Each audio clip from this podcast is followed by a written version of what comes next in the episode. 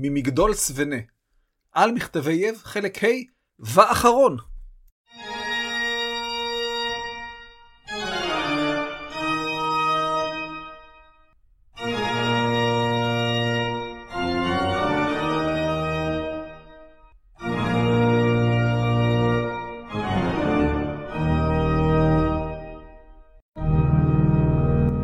דברי הימים הסכת על התנ"ך והמזרח הקדום.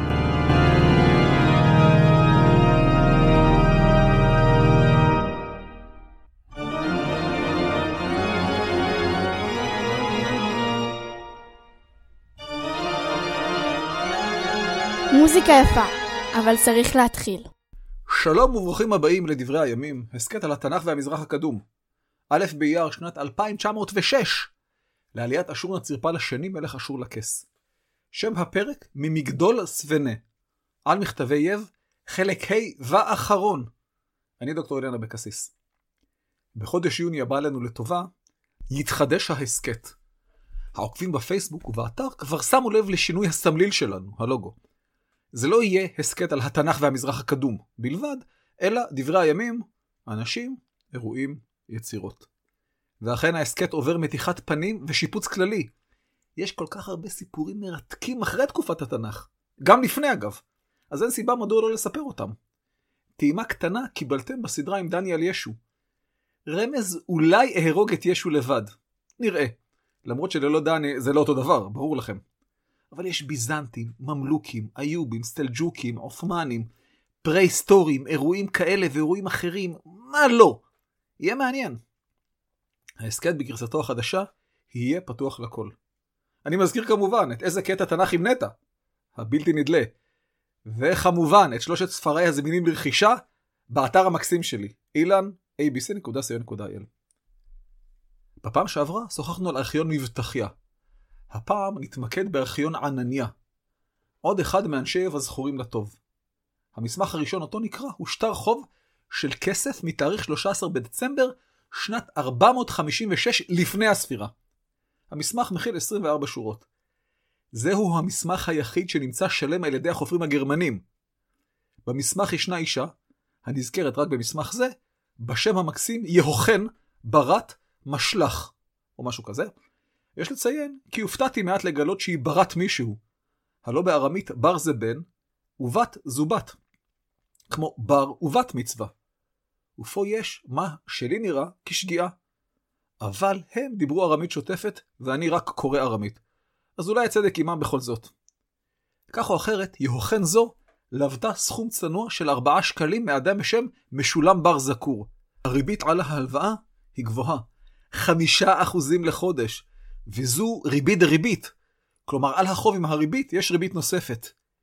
אם יהוכן לא תחזיר את החוב עד לתום השנה, משולם יוכל לתפוס כל נכס שלה, ניידי או לא ניידי, עד להחזרת החוב. וכמו שנאמר בסרט גבעת חלפון, בלי עניבה ובלי החוב, אני מבקש לעזוב.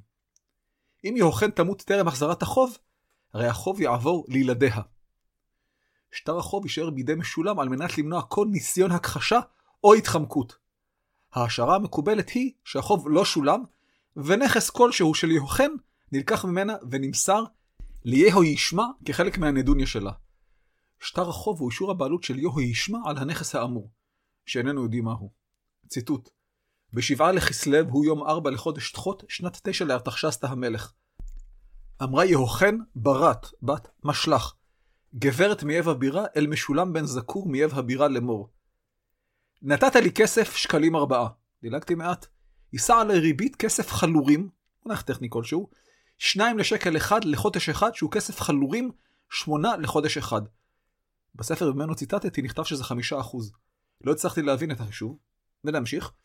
אם הגיעה הריבית לקרן, תישא הריבית ריבית כקרן אחד כאחד. כלומר, זו כמו זו.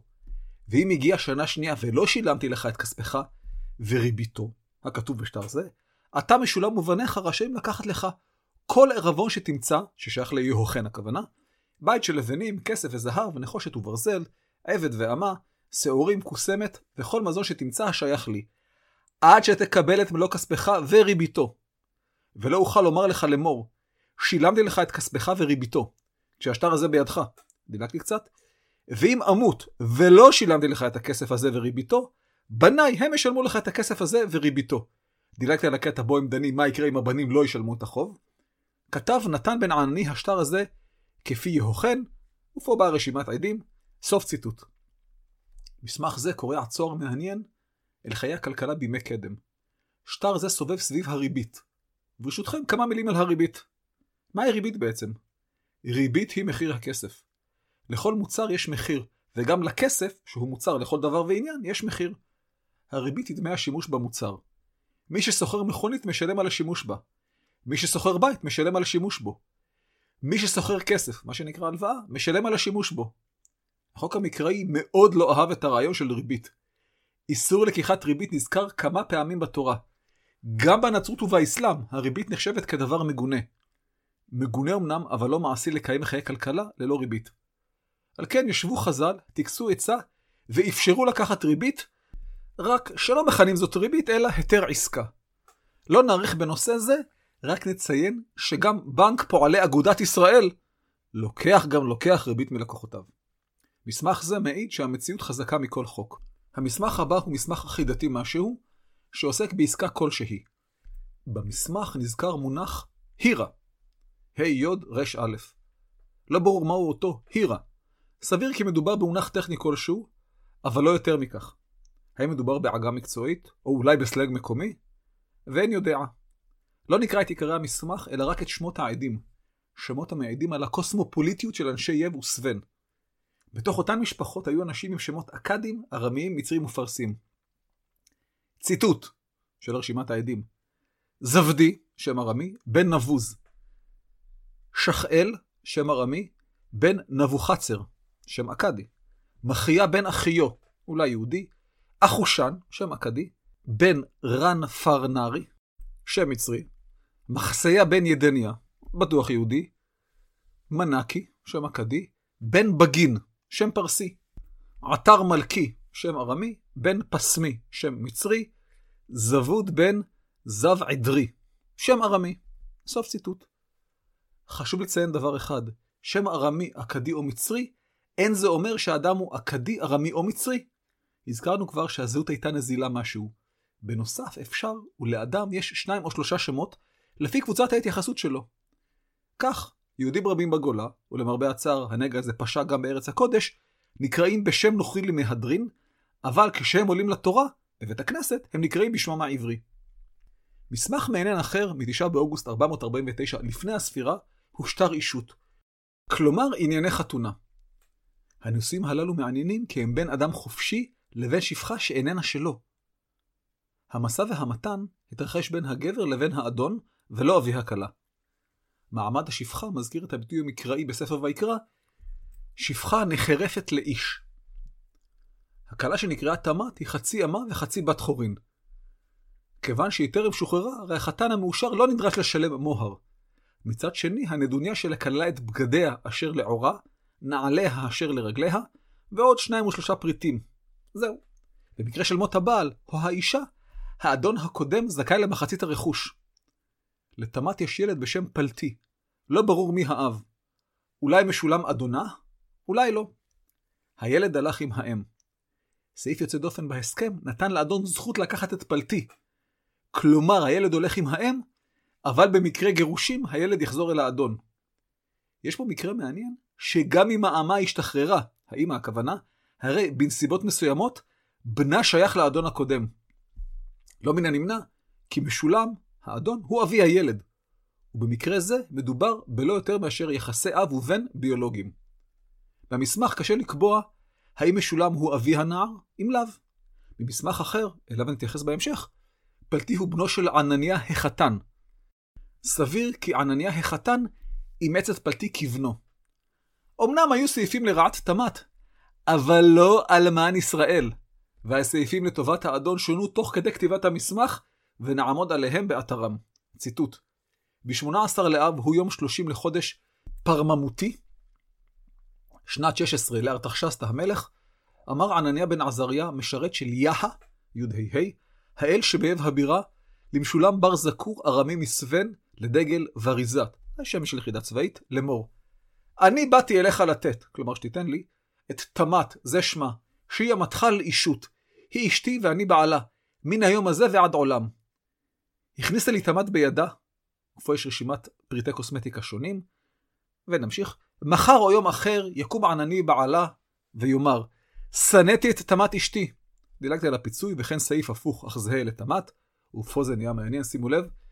מחר או יום אחר ימות ענני, משולם בן זקור הוא, תמת היא, שולטת בחצי בכל הנכסים שיהיו בין ענני ותמת. לכאורה, משולם בן זקור זכאי למחצית הרכוש. והנה הקטע המעניין. המילים משולם בן זקור נמחקו, אם כי רואים אותן באופן מטושטש, וכן המילה בחצי. הנוסח החדש והקובע הוא, תמת היא שולטת בכל הנכסים שיהיו בין ענני ותמת. וכך, תוך כדי כתיבה, שונה ההסכם לטובת תמת. סעיף מקביל והפוך, מה יקרה אם תמת תמות, נוסח באופן זהה ותוקן באופן זהה. והנה הגענו אל הילד. ואני משולם, מחר או יום אחר, לא אוכל להציל, לקחת בחזרה הכוונה, את פלטי מתחת לבבך, מידך הכוונה, חוץ מאשר אם תגרש את אמו תמת. ואם אצילו, ממך, אקח בחזרה הכוונה, אתן לענני כסף קרשים חמש, ופה באה רשימת העדים.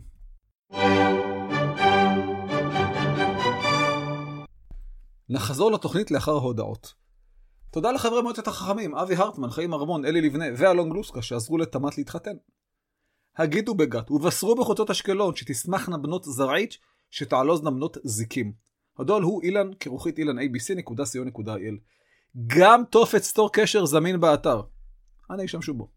אני מזכיר את ספריי, הסגן של בר כוכבא, מספרי 2 בהיסטוריה. הספר על הרציחות הפוליטיות, ואת האחרון, התנ"ך תובנות לחיים.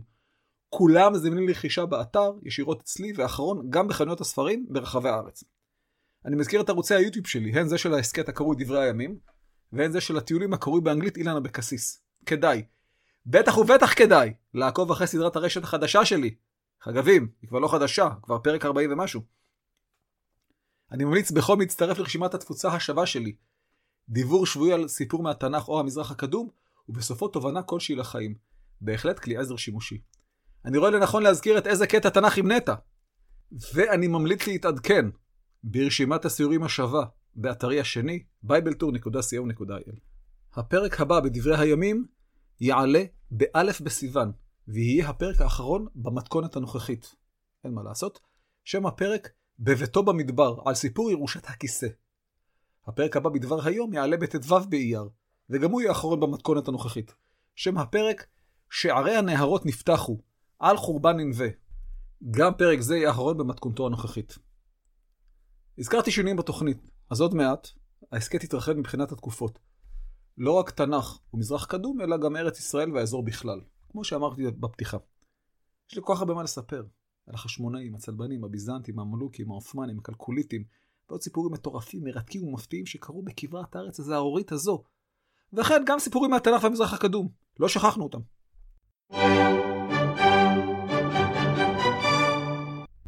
ענני הוגדר כמשרת במקדש יח, י"ה, כלומר מקדש אדוני.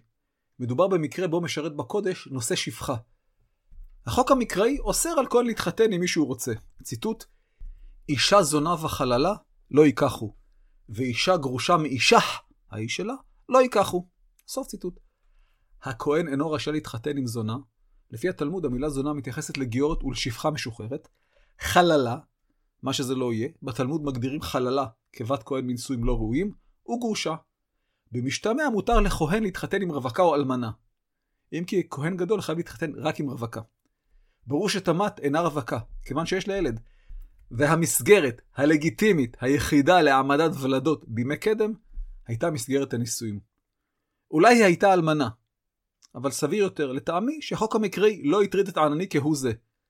ניתן לטעון בדוחק שמשרת במקדש יהה הוא לוי ולא כהן. אפשרי, אך לא סביר לאור מעמדו הרם של ענני בקהילת יב. המשך הפרק דן בעלילות יהוישמע, בת תמת, ונושאים נוספים.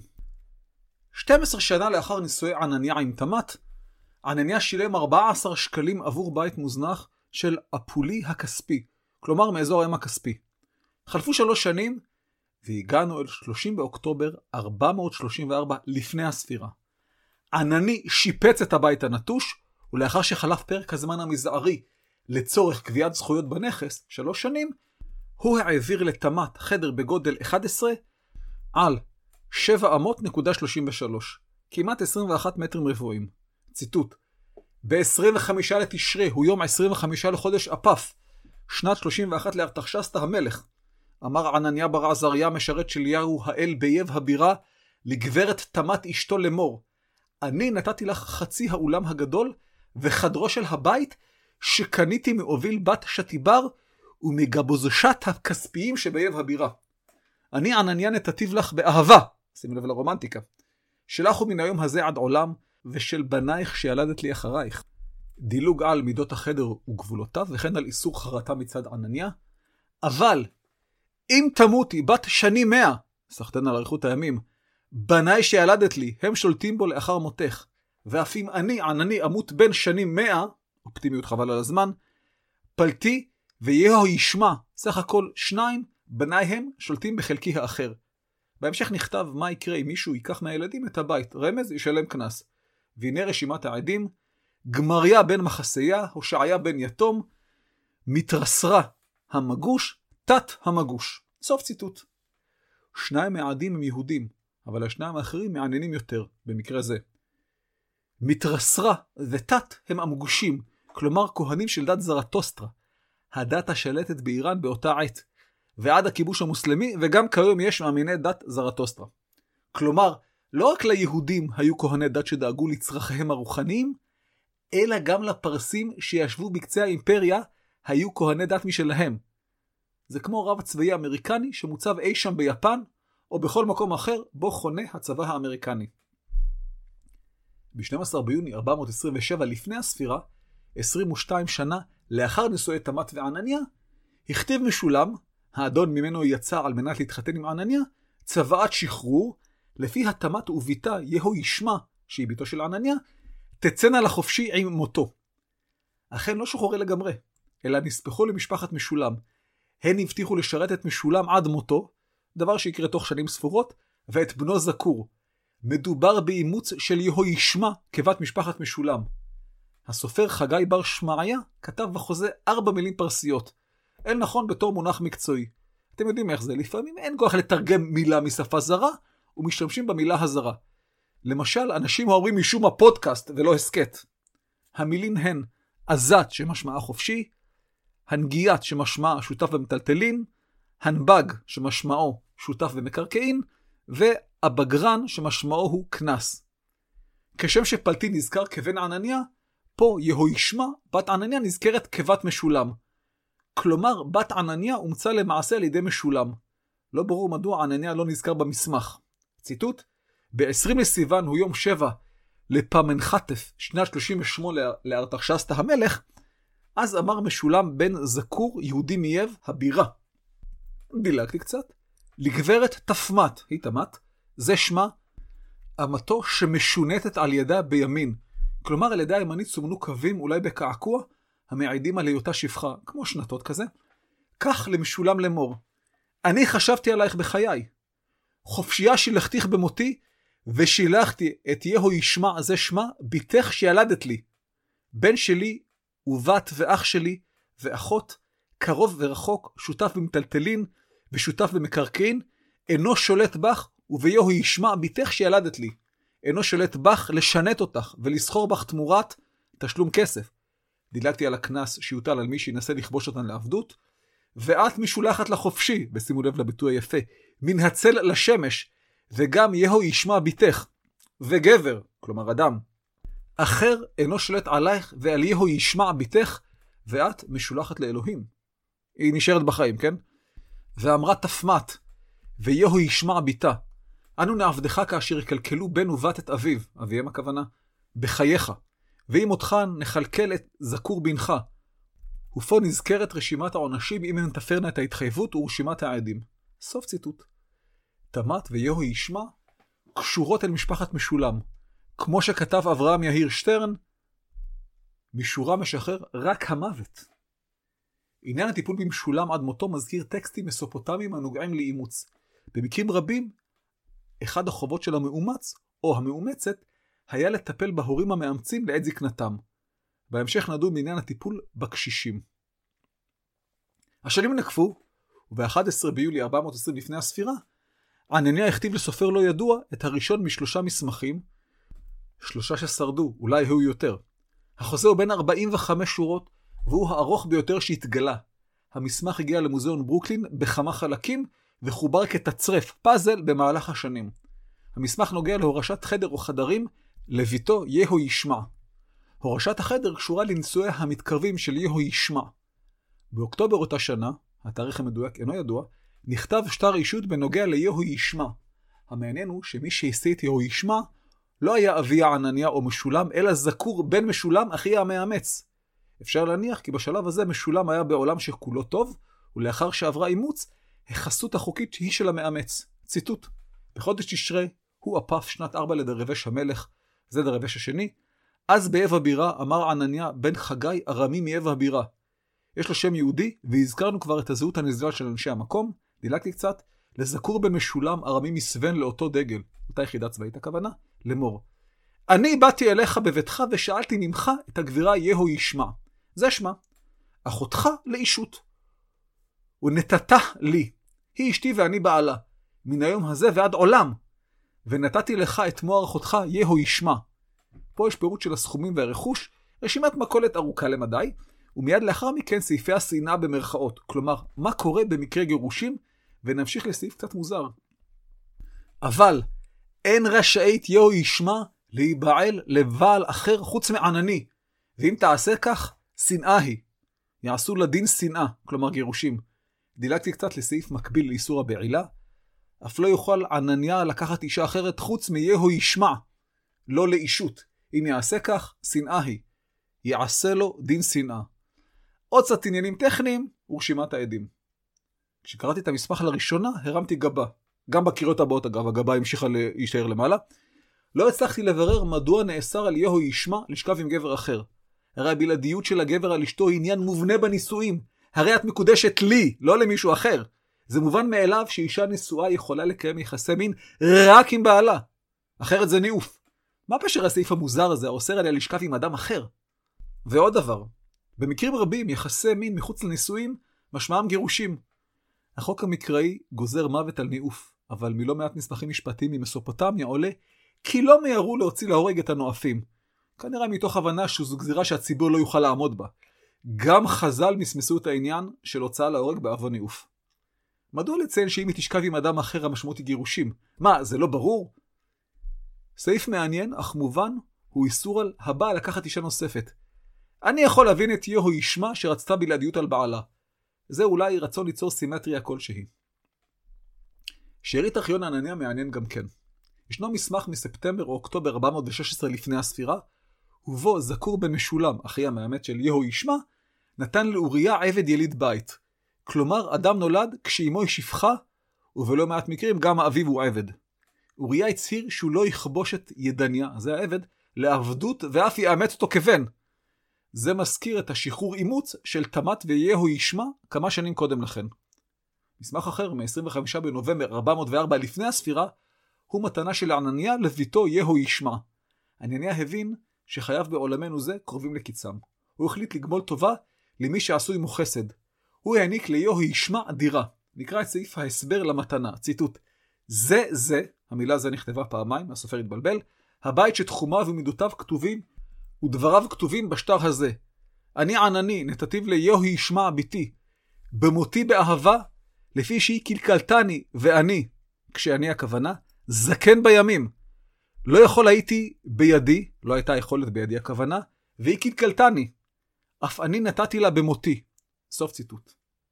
זהו קטע נוגע ללב. ענני הקשיש מתקשה לנהל את חייו כראוי. הזקנה נתנה בו את אותותיה. קטע זה מזכיר שני קטעים מהתנ"ך. הראשון הוא תיאור הזקנה בספר קהלת. ציטוט: ביום שיעזו שומרי הבית והתעוותו אנשי החיל, וביטלו התחנות כי מיעטו וחשכו הרעות בארובות, וסוגרו דלתיים בשוק בשפל כל התחנה, ויקום לכל הציפור, וישחו כל בנות השיר, דילגתי קצת, כי הולך האדם אל בית עולמו. סוף ציטוט. כשענני היה במצב הזה, יהו ישמע פעלה לפי הפסוק מתהילים, ציטוט, אל תשליכני לעת זקנה, ככלות כוחי אל תעזבני. סוף ציטוט. הגם שיהו ישמע אומצה על ידי משולם, היא לא שכחה את אביה הביולוגי. חלפה כמעט שנה וחצי, וענני, שעדיין הוא חי ובועט, שדרג את המתנה ליהו ישמע, והוסיף בעלות על חצר ועל מדרגות כלשהן. כעבור תשעה חודשים, ב-13 בדצמבר 402 לפני הספירה, ענניה ותמת אשתו מכרו את שארית הנכס לענני בר חגי, שהוא חתנם, כלומר בעלה של יהו ישמע. ברשותכם, נעבור לאגרות המכונות אגרות אחותיו וקווי ליה. מדובר בחרסים ולא פפירוסים שנשלחו מסוון אל קרוביהם בייב. בחרסים יש בקשות או הוראות לבצע כך וכך. לעתים הפעולה נדרשת לביצוע בו ביום. הדרישה לביצוע בו ביום מעידה על המרחק הזעום בין סוון לייב. המכתבים נכתבו בראשית המאה החמישית לפני הספירה, 500 עד 480 בערך. מעניין לראות שהמכתבים נכתבו על חרס ולא על פפירוס. הסיבה לכך היא שפפירוס הוא חומר יקר שנשמר לדברים חשובים, וחרס הוא חומר זול שניתן לכתוב עליו דברים פחות חשובים. ממש כמו שבימינו קלף אור יקר מיוחד לספרי תורה או מסמכים חשובים במיוחד. ואילו בדף שמודפס מצידו האחד, משתמשים בצידו האחר לטיוטות, רשימות קצרות, תזכורות וכיוצא בזה. חרסים הם פתקים זוטרים של ענייני היום-יום. משכך אינם עושים תאריך. גם השמות הנזכרים הם מעניינים. אחותיו הוא שם ארמי המזכיר את השם המקראי אחיטוב. השם השני הנזכר פעם אחת בלבד, מעיד על הלך הרוח של הורי התינוקת בעת הענקת השם. קווי ליה, קווי אל אדוני, ככתוב בספר תהילים, קווה אל אדוני, חזק ויאמץ לבך וקווה אל אדוני. השם מזכיר גם את שם אבי של נחמיה, חכליה, חכליה לאדוני, שם שכולו עידוד, ציפייה ותקווה. אחותיו היא בת קווי ליה. המכתב הראשון נכתב על שני צידי החרס, ובבקשה לעזרה לרועי צאן. ציטוט: אל אמי קווי ליה. ברכתי שלחתי אלייך, כעת הנה נפנה רועה צאן של סחרמי בעל טובתכם, בא לסוון על הצאן למכור. לך עמדי עמו, כלומר עזרי לו, בסוון היום הזה. אם תעשי לו טובה בסוון, יעשה לי טובה אף הוא. הרי מחר עלי ללכת לביתי וייתנו לי עז אחד עד, כלומר לפני, שיגיע אלייך. עתה ראי הטובה לעשות לו. הרי רעבים הם, הרועה והצאן גם יחד הכוונה. אף לחם אף קמח תני לו, ושיעלתיו לאמור, מה אתה תרצה? סוף ציטוט.